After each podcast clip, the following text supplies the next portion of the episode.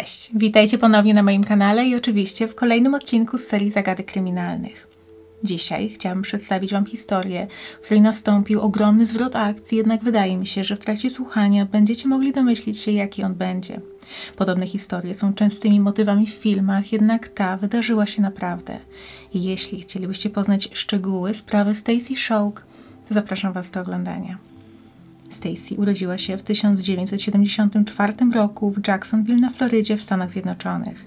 Gdy miała 3 lata, wraz z rodzicami przeprowadziła się do stanu Georgia i dorastała na przedmieściach Atlanty. Po ukończeniu szkoły średniej poszła na studia na Florydzie. Po zakończeniu edukacji przez 20 lat pracowała w służbie zdrowia. Do 2007 roku Stacy zdążyła być czterokrotnie zamężna i doczekała się trzech synów: Kita, Kevina i Douglasa, zwanego przez bliskich DJ. Jej piątym mężem był Richard Shouk. Kuzynka Stacy, Connie, wspomniała, że Richard był najlepszym z dotychczasowych mężów Stacy. Ich wspólne życie wydawało się być zgodne i wręcz idealne. W ciągu kolejnych lat Richard przysposobił dwóch z trzech synów kobiety. Mężczyzna pasjonował się lotami balonem na gorące powietrze, ale przede wszystkim uwielbiał harcerstwo i kierował harcerską drużyną Cub Scout. Lubił też jeździć na motocyklu oraz gotować. W 2010 roku para obchodziła trzecią rocznicę ślubu i 14 lutego, w niedzielę, Richard zaplanował specjalną walentynkową kolację. Mieli wziąć w niej udział także dziadkowie Stacy, starsza i schorowana para, która wymagała całodobowej opieki i w tamtym czasie to właśnie Stacy i jej mąż podjęli się tego bardzo odpowiedzialnego zadania. Od początku swojej relacji Richard i Stacy starali się, żeby walentynki były wyjątkowym świętem. Obdarowywali się nawzajem kartkami i prezentami. I 14 lutego 2010 roku Stacy zaproponowała, żeby obdarowali się tymi prezentami w parku Belton Bridge Park.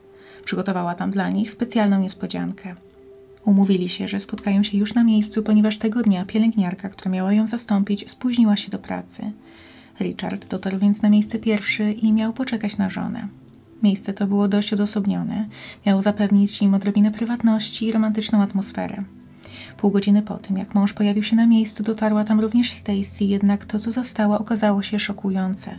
46-letni Richard został dwukrotnie postrzelony w brzuch, raz w klatkę piersiową, a następnie dwa razy w twarz z bliskiej odległości.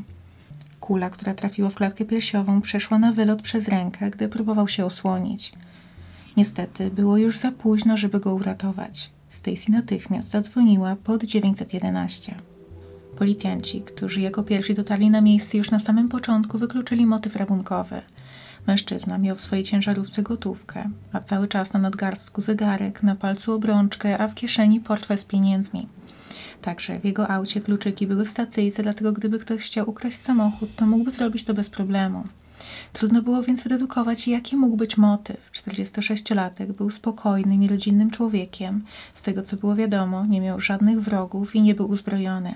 Trudno było uwierzyć, że ktoś tak mógł po prostu bez powodu go zaatakować. Sprawcy lub sprawcom udało się uciec, zanim Stacy dotarła na miejsce. Detektywi przeczesali okoliczny teren w poszukiwaniu dowodów i udało im się trafić na trzy rodzaje śladów opon. Pierwsze należały do Forda Stacy, drugie do ciężarówki jej męża, a trzecie zapewne do sprawcy. Kobieta została oczywiście przesłuchana i bardzo wcześnie, podczas tej rozmowy z policją, przyznała, że przez kilka lat pozostawała niewierna swojemu mężowi i miała romans z Juanem Reyesem. Ta informacja na tamten moment stanowiła jedyny punkt zaczepienia i Juan trafił na listę podejrzanych. Okazało się, że mimo, że kochanek nie miał doświadczenia medycznego, Stacy zatrudniła go jako asystenta chirurgicznego. Wcześniej pracował jako ochroniarz w hotelu, był także rozwiedziony, miał kilkoro dzieci i ledwo wiązał koniec z końcem.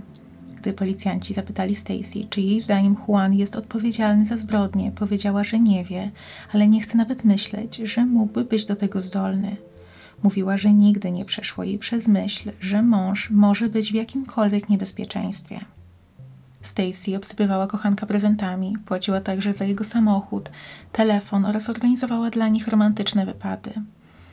Wraz z mężem była dość zamożna, byli właścicielami kilku nieruchomości i w pewnym momencie Reyes zamieszkał nawet w jednym z mieszkań należących do Stacy i to właśnie tam kobieta umawiała się z nim za plecami swojego męża. Już 15 lutego Reyes został zatrzymany i zabrany na przesłuchanie. Był skory do współpracy z policją i zgodził się zeznawać bez obecności prawnika. Od samego początku podkreślał, że nie ma nic wspólnego z tą sprawą i zgodził się poddać badaniu wariografem. Jednak jego wynik był niejednoznaczny. Mężczyzna powiedział, że mimo, że był rozwiedziony, to próbował pogodzić się ze swoją byłą żoną. Miał jednak poważne problemy finansowe i podobnie jego była żona, która w tym czasie była bezrobotna. Traktował więc związek z zamożną Stacy jako źródło dodatkowej gotówki i z jego strony nie było żadnej miłości. Nie miał więc powodu, żeby pozbywać się jej męża, ponieważ nie widział ich wspólnej przyszłości. Dodatkowo był w stanie przedstawić alibi na tamten dzień, które potwierdziła jego była żona i wstępnie Juan Reyes został oczyszczony z podejrzeń. 20 lutego 2010 roku odbył się pogrzeb Richarda. W ceremonii uczestniczyli jego znajomi i krewni, w tym żona i trzej synowie. Po nabożeństwie odbyła się uroczystość, podczas której wysłano w niebo balon wypełniony helem. Biorąc pod uwagę zamiłowanie Richarda do kolorów, rodzina poprosiła uczestników, aby ubrali się nie na czarno, a w stroje w swoich ulubionych kolorach. W tym czasie policja kontynuowała poszukiwania samochodu sprawcy, próbując dopasować ślady opon pozostawione na miejscu zbrodni do modelu opon oraz auta. W końcu udało się ustalić, że były to opony Goodyear Integrity, jednak nie pozwalało to na zawężenie poszukiwań, ponieważ był to bardzo popularny model. Śledztwo niestety stanęło w miejscu. Tak było do czasu, aż z policją skontaktował się technik informatyk pracujący w klinice leczenia chorób kręgosłupa, w której pracowała również Stacy. Jego zadaniem było usuwanie spamu ze skrzynek mailowych pracowników i podczas pracy nad kontem Stacy udało mu się odzyskać wiele usuniętych przychodzących i wychodzących wiadomości z tygodni poprzedzających tragedię Richarda. Śledczym udało się wtedy uzyskać nakaz przeszukania skrzynki mailowej Stacy, w której znajdowało się ponad 4000 wiadomości. Ich szczególną uwagę przykuł jednak jeden mail, w którym kobieta zleciła przelew na 8900 dolarów kilka tygodni przed zabójstwem jej męża.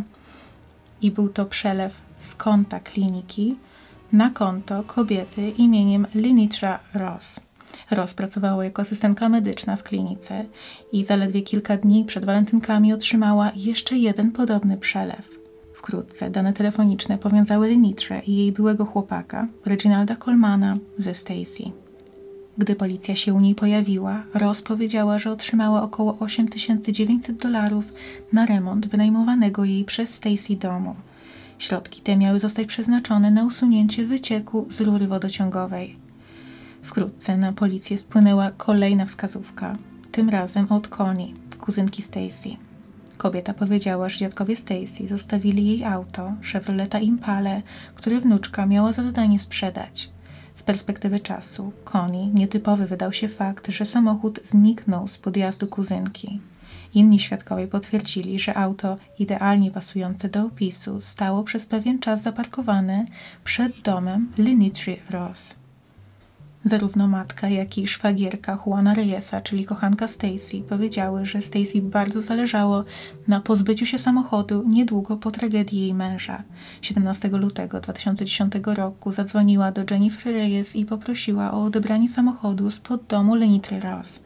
Tłumaczyła, że Ross miała zamiar kupić samochód, ale ostatecznie wycofała się, ponieważ nie miała wystarczająco pieniędzy. Jennifer na początku zgodziła się, ale ostatecznie zrezygnowała ponieważ Stacy bardzo zależało na tym, żeby auto zostało odebrane nie w ciągu dnia, a w środku nocy. Jennifer zauważyła również zarówno Linitra, jak i Stacy są bardzo zirytowane i zestresowane całą tą sytuacją. W następnym miesiącu Stacy skontaktowała się z Alicją Flores, matką Juana Reyesa, w sprawie sprzedaży pojazdu. Powiedziała, że pieniądze chce przeznaczyć na opłacenie hospicjum dla jednego ze swoich dziadków. Umówiły się, że Stacy odkupi stare auto Alicji za 3000 dolarów i sprzeda jej Impale za 12 tysięcy. Kiedy Flores powiedziała, że nie jest pewna, czy dostanie w banku kredyt, Stacy powiedziała, że i tak da jej samochód, a ona może płacić w ratach od 100 do 200 dolarów miesięcznie. Flores zwróciła uwagę na to, jak zdesperowana była Stacy, żeby jak najszybciej pozbyć się pojazdu. W maju 2010 roku biuro szeryfa hrabstwa Hall przejęło pojazd, ponieważ podejrzewano, że mógł zostać użyty przez sprawców ataku na Richarda. Policjantom udało się ustalić, że Stacy wykonała połączenie z Belton Bridge Park lub jego okolicy w noc zabójstwa około 20.40. Zadzwoniła wtedy do Regiego, czyli Reginalda Colmana, trenera personalnego i byłego boksera. Trzy minuty po zakończeniu tej rozmowy Lenitra wysłała do Stacy SMS-a o treści Zapomniałam ci powiedzieć, że spóźni się jutro. Przy okazji, wesołych walentynek. Później miało się okazać, że wesołych walentynek było sygnałem dla Stacy, że Richard nie żyje i że może iść go znaleźć. Wszystko zaczęło układać się w logiczną całość, a policja miała coraz większą pewność, że mają do czynienia z zabójstwem na zlecenie, zainicjowanym przez żonę ofiary. Po sprawdzeniu rejestrów bankowych Stacy, Lenitry i Reginalda odkryto tysiące dolarów przesyłanych między tymi kontami w ciągu ostatnich kilku tygodni. Odkryto, że Reggie otrzymał przelew na 10 tysięcy dolarów niedługo po zabójstwie Richarda, ale Nitra dostała wiadomość, że może mieszkać w jednym z wynajmowanych przez Stacy domów bez płacenia czynszu. Operacja policyjna mająca na celu ustalenie, że w związku z zabójstwem doszło do transakcji finansowych, była bardzo skomplikowana. Nazwano ją operacją Tangled Web i był to skoordynowany wysiłek wielu jednostek policyjnych. Ostatecznie jednak można było zatrzymać podejrzanych. Wyzwaniem było także zsynchronizowanie aresztowań tak, aby trójka podejrzanych nie mogła nawzajem się o tym poinformować. Jako pierwszy zatrzymany został Reginald, następnie Lenitra, a na końcu policja złożyła wizytę Stacy w jej gabinecie. Kobieta zdążyła dowiedzieć się o tym, że policja po nią jedzie i zabarykadowała się w jednym ze szpitalnych pomieszczeń zabezpieczonych kartą magnetyczną, ale ostatecznie się poddała. 25 maja, ponad trzy miesiące po walentynkowej tragedii, trójka podejrzanych mogła zostać przesłuchana. Lenitra Ross grała niewinną, a Reggie wszystkiemu zaprzeczał, jednak śledczy mieli prawie całkowitą pewność, że para zaangażowała się w plan dla pieniędzy. Sama Stacy Shock podczas przesłuchania wyznała, że Richard molestował jej dzieci. Dopowiedziała też, że sama była molestowana w dzieciństwie, więc by chronić własne dzieci, chciała pozbyć się Richarda. Podobno pewnego dnia zwierzyła się na ten temat swojej koleżance z pracy, Lenitrze Ross, dodając, że nie chce mieszać w sprawę policji ani brać rozwodu. Dodała, że za to, co zrobił dzieciom, nie powinien móc żyć. Decyzja o zorganizowaniu ataku została podjęta już w grudniu 2009 roku. Lenitra powiedziała, że zna mężczyznę, który mógłby pomóc w realizacji planu. Był to jej były chłopak i ojciec jej dziecka, Reggie Coleman, o pseudonimie Mr. Results. Jakiś czas później, podczas spotkania we trójkę, omówili szczegóły i uzgodnili cenę 10 tysięcy dolarów. Tydzień później pojechali obejrzeć wybrane miejsce w Belton Bridge Park i Reggie miał określić je jako idealne i wspomnieć nawet, że może będzie korzystał z niego jeszcze w przyszłości. Mężczyzna miał już doświadczenie w zakresie zabójstw na zlecenie, jednak tym razem nie działał zgodnie z planem. Stacy bardzo zależało na tym, żeby zaaranżować to tak, żeby wyglądało na napad. Była wściekła, gdy dowiedziała się, że Reggie zostawił samochód, pieniądze, zegarek i obrączkę. To właśnie z tego powodu policja natychmiast wykluczyła motyw rabunkowy i od razu skierowała swoją uwagę w stronę najbliższego otoczenia ofiary. Zeznania Stacy były na tyle obciążające, że pozwoliły na postawienie jej i jej dwóch wspólników w stan oskarżenia. Podczas rozprawy synowie Stacy zaprzeczyli, żeby kiedykolwiek doświadczyli jakiegokolwiek rodzaju przemocy ze strony swojego ojczyma. Okazało się jednak, że nie była to tylko wymówka wymyślona przez Stacy. Syn ją okłamał. Podczas przesłuchania przeprosił i przyznał, że chciał zemścić się na Richardzie, ponieważ ten był dla niego surowy.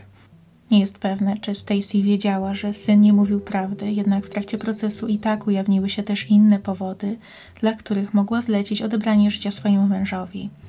Śledczy i sędzia nie byli do końca przekonani co do jej tłumaczeń. Panowało przeświadczenie, że zapragnęła pozbyć się Richarda, ponieważ był dla niej przeszkodą, a obawiała się, że podczas rozwodu może odebrać jej pieniądze. Matka Stacy odczytała na sali sądowej list, w którym dziesięcioletni syn Stacy, Kevin, napisał, że tęskni za nią każdego dnia i tak samo tęskni za swoim tatusiem Richardem. W sierpniu 2012 roku Lenitra Ross została skazana na dożywotnie pozbawienie wolności bez możliwości zwolnienia warunkowego za działanie jako pośrednik w spisku.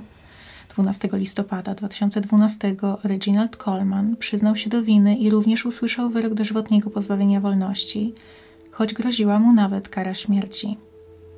Stacy, podobnie jak Reggiemu, groził najwyższy wymiar kary, jednak uniknęła go dzięki dobrowolnemu przyznaniu się do winy oraz złożeniu zeznań, które obciążyły jej wspólników. Ostatecznie cała trójka otrzymała taki sam wyrok, jednak w przypadku Stacy obrona wnioskowała o możliwość zwolnienia warunkowego po 30 latach, jednak został odrzucony. Przed wydaniem wyroku kobieta błagała o litość i wyrażała skruchę, że postanowiła sama wydać wyrok na swojego męża. Sędzia Jason Deal podkreślił jednak, że nie zasłużyła na niższą karę, ponieważ to ona była motorem napędowym oraz pomysłodawcą tej zbrodni. Aktualnie Stacy Shoak przebywa w więzieniu stanowym Pulaski w Hawkinsville w stanie Georgia. Od czasu, gdy trafiła do więzienia, uzyskała stopień naukowy z nauk biblijnych, pisze także poezję, opowiadania i eseje. Obecnie pracuje nad wydaniem serii książek dla dzieci, skierowanych do dzieci, których rodzic, tak jak ona, przebywa w więzieniu. Czerpiąc ze swojej wiedzy medycznej, edukuje także swoich współwięźniów na temat zagrożeń dla zdrowia i praw do odpowiedniej opieki zdrowotnej w czasie pobytu w więzieniu. I to jest już koniec tej sprawy. W tym przypadku sprawcy popełnili wiele błędów i aż strach pomyśleć, co by było, gdyby ich plan się powiódł. Może sprawa Richarda Shawka do dziś pozostawałaby nierozwiązana i byłaby tylko jedną z wielu tajemniczych zagadek kryminalnych, w których jest wiele różnych teorii. Na szczęście jednak w tym przypadku sprawiedliwości stało się zadość. W komentarzach podzielcie się proszę swoimi przemyśleniami na ten temat oraz propozycjami, o jakich innych sprawach mogłabym powiedzieć w kolejnych odcinkach z serii zagadek oraz mojej serii o sektach. A teraz bardzo dziękuję Wam za oglądanie i do zobaczenia wkrótce. Cześć!